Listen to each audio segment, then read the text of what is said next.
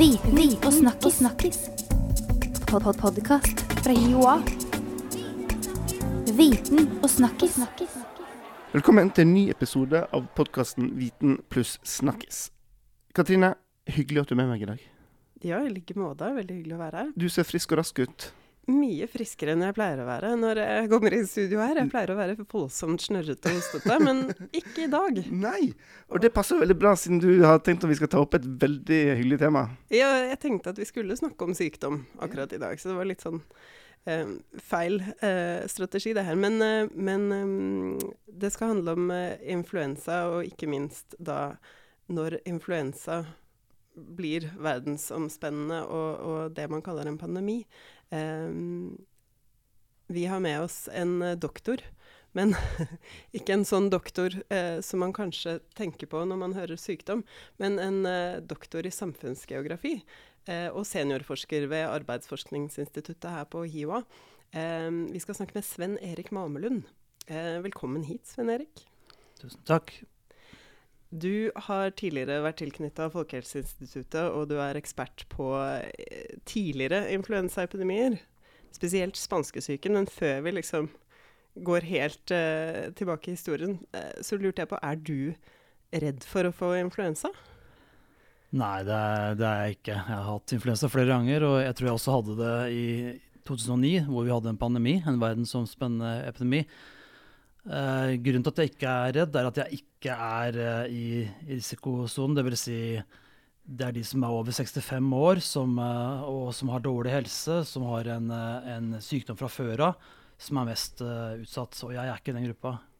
Nettopp. Men det er faktisk nærmere 1,5 millioner mennesker i Norge. Eh, og det er jo ganske mange. Eh, og, men bør alle de f.eks. ta en vaksine, eller hvordan Ja, eh, De som bør ta vaksine hvert år, det er eh, de som er syke fra før av, som jeg sa. Folk som f.eks. har en lungesykdom eller en hjertesykdom. Eh, Det er folk over 65 eh, år. Og det er helsepersonell med direkte pasientkontakt. Eh, Og det er eh, gravide, blant annet. Men Dette med se- influensasesong, er dette fast? En gang i året, og så kommer dette her? Er, er dette liksom Sånn er det blitt? Sånn har det blitt, og sånn har det vært i 2500 år. Såpass, ja. Så det er en gammel sykdom. Eh, det kommer hver vinter i, i, på nordlige halvkule. Så det er noe vi har hatt i veldig, veldig mange år. Det er en type sykdom som på en måte endrer seg litt grann hvert eneste år. Derfor så må vi også hele tiden være i forkant og produsere ny vaksine mot eh, viruset hvert år. Men når du sier 2500, veit vi nå om den aller, aller første influensaen? Ja, kanskje ikke så langt tilbake som eh, tilbake til Aten for 2500 år- siden. Men eh, det historikerne er helt enige om, er at den første oppsto i 15, 1510, altså for over 500 år siden. Og det vi også vet, er at uh, sånne pandemier, verdensomspennende epidemier, som skiller seg fra disse sesonginfluensaene på mange måter, de kommer tre til fire ganger hvert århundre. Men, uh, ja, la oss ta det. Hva er forskjellen på sesonginfluensa, som vi ikke er så redd for, og pandemi, som vi kanskje Altså, bør være redd for? Hovedforskjellen på er jo at, uh, at sesonginfluensa kommer hvert år, som jeg, jeg nå er enig om, eh, mens pandemiene kommer sjeldnere. De kommer eh, bare tre til fire ganger per århundre. Eh, en, en stor forskjell på det er at uh, under pandemier så kommer det et helt nytt virus som store deler av befolkningen ikke har immunitet mot.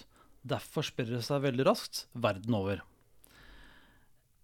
Og så er risikogruppene litt forskjellige. eh, og den store forskjellen er at um, under sesonginfluensa så er det spedbarn og de aller eldste som er mest utsatt. Mens under pandemier så er, ser vi at uh, unge voksne er mer uh, utsatt. Hva, hva var den forrige store pandemien? Uh, ja, vi må jo nesten gå tilbake til 2009, da, selv om ikke den var så stor. Så den tok 200 000 liv verden over. Eh, den var ikke veldig alvorlig som en pandemi. Den ligna egentlig på sesonginfluensa på mange måter, fordi hvert eneste år dør det 200 000 eh, i verden av sesonginfluensa. Så den ligna på mange måter eh, sesonginfluensa, den pandemien vi hadde i 2009. Hva, bare sånn før vi, før vi, går over i de virkelig liksom store pandemiene i historien, eh, der din ekspertise ligger, må jeg spørre om hvordan behandler man influensa? For det er jo et virus. Så hva, hva er liksom Hvis helsevesenet skal eh, trå til, hva, hva er det de kan gjøre, egentlig? Altså Når det gjelder sesonginfluensa, som vi har vært inne på nå, så, så, så lager vi jo vaksine eh, basert på viruset som sirkulerer på den sørlige halvkule når det er vinter der. Altså når det er sommer hos oss. Så vi har en vaksine til, til, vår sesong, som begynner oppunder juletider, typisk. Mm. Eh, så vaksine er det ene. Eh, det finnes også antiviralia-medisiner som kan være med å forkorte sykdomslengde og alvorlighetsgrad. Eh, og så har vi selvfølgelig ja, antibiotika, som, som, kan være med å ta de alvorlige komplikasjonene i, forbundet med influensa. Det er ikke alltid at influensa utvikler seg til alvorlige komplikasjoner, men hvis det gjør det, f.eks. typisk lungebetennelse, så vil jo antibiotika være til hjelp der. Og så har vi jo gode eh, sykehus i dag også, uh, med intensivenheter med gode lungebehandlinger, som man ikke hadde for 100 år siden. Nettopp. Og apropos 100 år siden. Eh, det er faktisk snart 100 år siden spanskesyken eh, herja. Eh, og det er din spesialitet. Kan du si litt mer? Hva var spanskesyken, og hvorfor heter den spanskesyken? Jo, det var jo eh, en, en, pandemi, en verdensomspennende epidemi. Det utvikla seg et nytt virus, et HNNN-virus, som spredte seg raskt. Kom i tre bølger en bølge på, på, våren og sommeren 1918 med ganske høy sykelighet, men lav dødelighet. Det kom en ny bølge høsten 1918, typisk slutten av september, begynnelsen av oktober, som strakk seg til eh, omtrent rundt jul. Da var det fortsatt høy sykelighet, men mye mer eh, høyere dødelighet. Og så var det en tredje bølge på, på vinteren 1919 men også noen steder i verden så var det en fjerde bølge vinteren 1920, typisk i områder, isolerte områder av verden som ikke hadde hatt det i 1918 eller 1919. I Skandinavia så var det her f.eks. store utbrudd i Enare i Nord-Finland og Arjeplog i Nord-Sverige. Oi. Hvor mange ble syke og døde i Norge da? Hvis vi kanskje skal ta de globale tallene først, så, så, så, vet vi ikke så veldig mye om sykelighet. Det er veldig vanskelig å måle og, få grep om hvor mange som var syke. Uh, men vi antar at rundt halvparten av verdens befolkning var syke. Uh, og at et sted mellom 50 og 100 millioner mennesker døde. Og grunnen til at uh, vi har så usikre estimater på hvor mange som døde, er at vi har veldig lite informasjon om Kina, om Afrika og om Russland. Men det tallet her er eh, voldsomt. Det var jo 2,5-5% av verdens befolkning da, som døde i 1918 av influensa. Og det var fem til ti ganger eh, større dødelighet enn antall personer som døde som følge av eh, første verdenskrig. I og med at du har samfunnsgeografisk eh, bakgrunn, og, vi nå har frittet deg på egentlig medisinen her, men hvordan spredte denne sykdommen seg? For det er jo interessant å høre liksom Dette er jo dråpesmitte. Uh. Ja da, det er en virusinfeksjon, så det sprer seg jo lett. Det er jo det som på en måte er kjennetegnet influensa. Sånn det spres for at du hoster. Mm. Uh, og da, da, sprer du virus hvis du er syk. Uh, så det sprer seg lett, og det sprer seg selvfølgelig med folk som, som, som reiser. Så på en måte sånn som ting spredte seg i 1918. Hvis du tar Norge, da, så kommer epidemien til Norge 15.6.1918. eh, 1918. Antageligvis med folk som har kommet fra Skottland eller England. Så sprer det seg fra Kristiania, som det da het, eller Oslo, eh, utover landet til de mindre byene og ut på landsbygda, med folk som reiser med jernbanen fra Kristiania til Bergen, til Trondheim. Og så sprer det seg fra Sør-Norge og nordover med folk som reiser med Hurtigruta. Og så spres det fra kysten og innover i landet. Og det tar to-tre uker før hele landet holdt jeg på å si, er smitta. Det er bare en 10% som unngår eh, smitte sommeren 1918. Og det er stort sett uh, områder helt inne uh, helt oppe i nord i, i Finnmark. Hvor, hvor lang tid ville det tatt i dag? Ikke nødvendigvis så mye kortere tid, Uh, fordi vi har sett andre pandemier også sprer seg raskt. Eh, og det er det vi liksom antar at i dag reiser flere folk. Vi har raskere kommunikasjonsmidler, og da antar vi også at det skal skje, skje raskere. Men, men eh, det kan være kortere tid enn disse to til tre ukene eh, ved en ny pandemi. Mm. På den tiden her, skjønte de at det var en pandemi som var på gang? Altså, altså Når det sto på som verst, hva, hva, hva gjorde myndighet og helsevesenet? Hvordan oppfatter de situasjonen da? Nei, det, de forsto det ikke. Men det gjorde vi heller ikke i 2009. Det var masse diskusjoner om på en måte hva det var som oppsto i Mexico i 2009. Er dette her influensa? Hva er det som skjer nå? Det, vi hadde masse på en måte usikkerhet og utrygghet eh, rundt, eh, rundt det her, om det her var faktisk ny pandemi. eh, og, og usikkerhet rundt hvor mange som var smitta, hvor dødelig det var osv. Og, så og sånn var det også i 1918. Og legene hadde jo på en måte kommet veldig langt på den tida, så de hadde jo liksom på en måte egentlig fått til mye. Og, og, og blei veldig utrygge egentlig når det her eh, kom. Og kalte det pseudo-influensa og influensalignende ting. De liksom, trodde ikke helt at det var det her det var. Så det var masse utrygghet i starten. Mm. var, men kontakten for Jeg regner med i dag så er det mye internasjonalt samarbeid, og en, en kan oppfatte ting kanskje kjappere. Hvordan var det på den tiden der? Visste de at noe skjedde andre plasser i verden, og at dette kunne komme? Ja, det var masse kommunikasjon da, som det er noe helt annet med oppbygd beredskap i dag, med influensasenteret som WHO har. Eh, og en helt annen type kommunikasjon. Men, eh, så de, visste, de hadde jo kommunikasjon den gangen også, men det er klart det var mye man ikke visste om andre eh, mennesker i andre verdensdeler.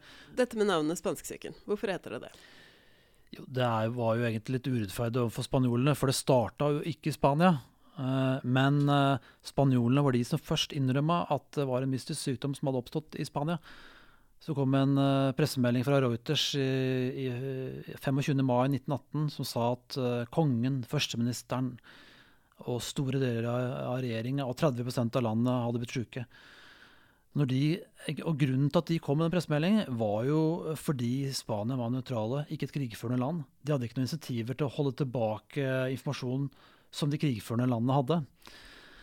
Men helt, For vi er i første verdenskrig, selvfølgelig. for dette var jo under første verdenskrig, eh, selvfølgelig. Eh, eh, så, men egentlig så visste spanjolene om dette her ganske mye før enn i mai.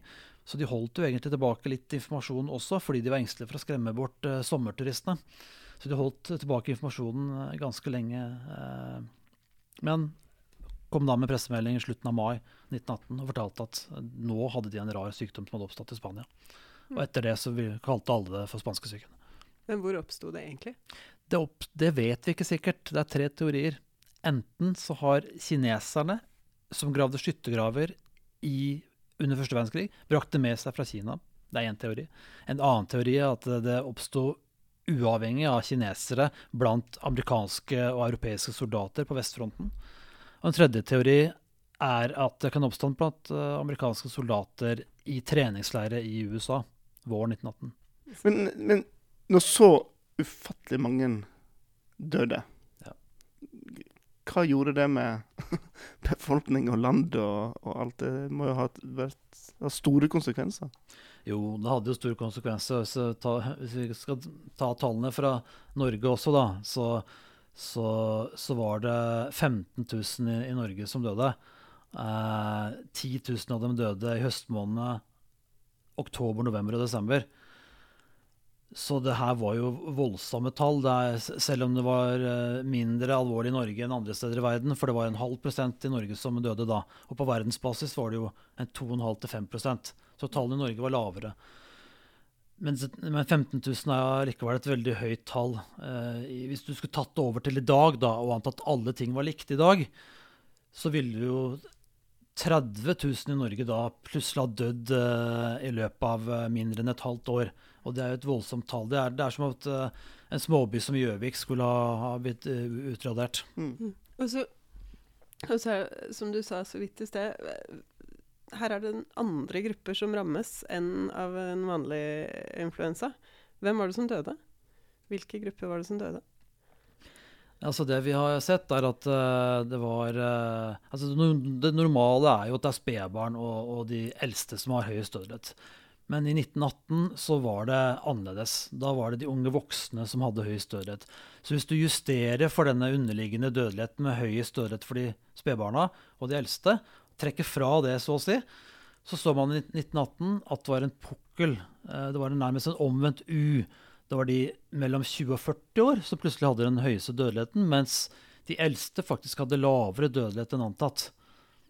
Sammenligna med sesonginfluensa de som levde midt i denne perioden for 100 år siden, eh, hva tror du de hadde hatt behov for å fortelle oss i dag?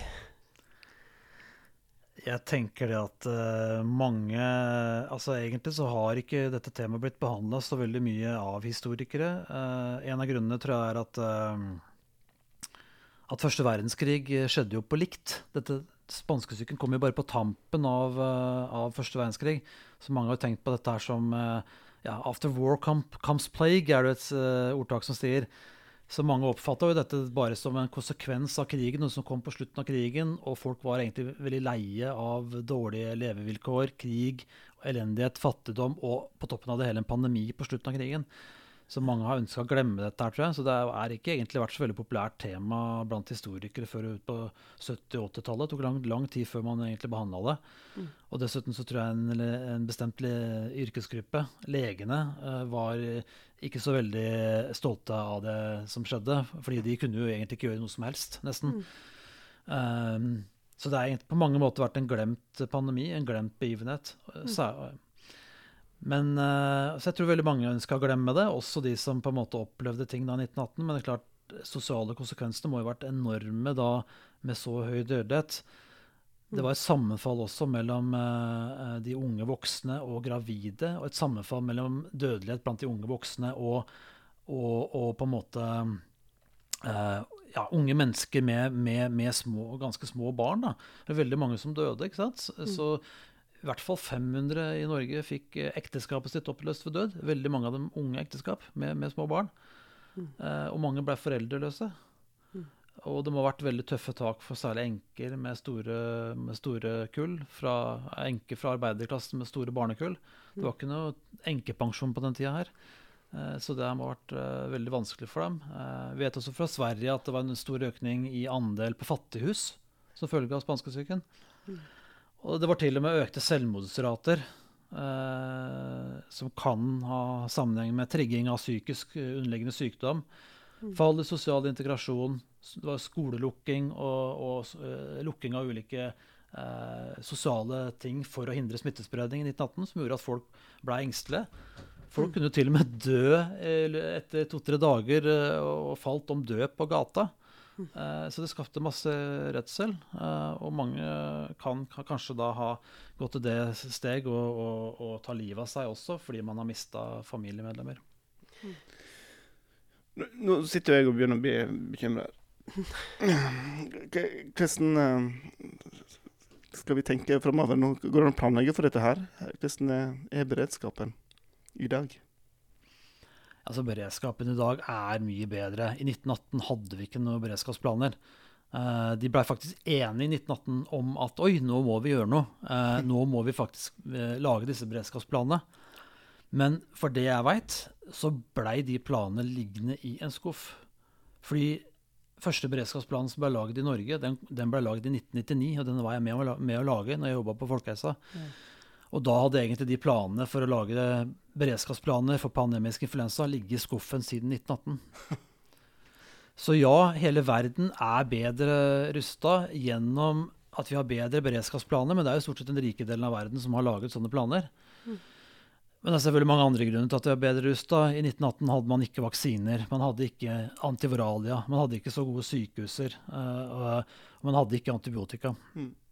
Men alt, alt, alt er satt til side. Så finnes det også andre ting som peker i en annen retning. Vi er flere i verden i dag. Uh, vi bor flere i byer hvor det er lettere å smitte hverandre. Vi reiser mer, og kommunikasjonsmidlene er raskere. Så akkurat hvordan det vil gå ved en ny pandemi, det er uh, jo høyst uh, uklart. da. Vi vet jo ingenting om akkurat hvilke virustyper som kommer, hvor alvorlig det vil bli. Så her er det mange faktorer som peker i forskjellige retninger. Men det er i hvert fall en ting som er sikkert. Det er best at man må være, prøve å gjøre så godt man kan for å være så godt som mulig forberedt. da. Mm. Så da regner jeg med at det først handler om å oppdage det, eh, at det er utbrudd, og så finne medisin eller, så fort som mulig og få vaksinert folk. eh, Det, det, er det, det er liksom det det handler om her, å gjøre det kjappest mulig? Ja, nå er det sånn som jeg sier at eh, en pandemi er vi helt sikre på at kommer. Vi kan ikke gjøre noe særlig med sannsynligheten for at det kommer en ny pandemi. Den er, den er vi helt sikre på at kommer til å komme. Så det er ikke så mye vi får gjort med, med det. Eh, men vi kan gjøre noe med konsekvensene, gitt at den kommer. Men apropos konsekvenser, det slår meg nå du sier at halve jordens befolkning ble sjuke, men ikke alle de døde. Hva med de som overlevde? Var det noen langtidsvirkninger av å ha hatt en sånn type influensa? Ja, det var det. Og det er jo Jeg har ett eksempel, og det er, eh, gjelder eh, om du var eksponert for influensa i mors liv. Hvis, du, måte, hvis mor var sjuk, og du var i mors liv. Altså hvis du var eksponert eh, mens du var i, i svangerskapet. Så viser det seg at uh, det er flere studier nå som har, både fra Norge og Sverige og fra USA og en rekke andre land som viser at eh, om du var eksponert uh, uh, i første delen av livet for influensa under spanskesyken, så har du hatt mer dropout fra videregående skole. Du har hatt lavere utdanning, lavere inntekt, mer helseproblemer og høyere dødelighet senere i livet, som kan være forbundet med eksponering for en pandemi så tidlig i livet. Så det er disse risikogruppene som, eh, som er nø- Men hvis skulle det plutselig bryte ut en pandemi neste måned, vil de som har vaksinert seg mot sesonginfluensa på en eller annen måte stille sterkere?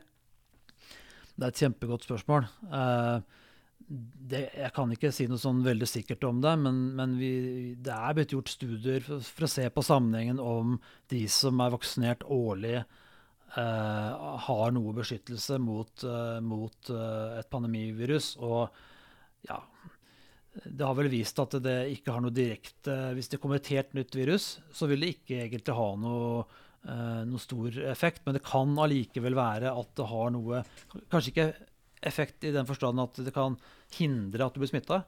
Kanskje ikke engang at det uh, utvikler seg og blir noe mer alvorlig, men kanskje det kan være med å hindre at du dør. Mm. Jeg som privatperson, da, familiefar, er det noe jeg bør tenke på i hverdagen for å kunne begrense omfanget av en kommende pandemi?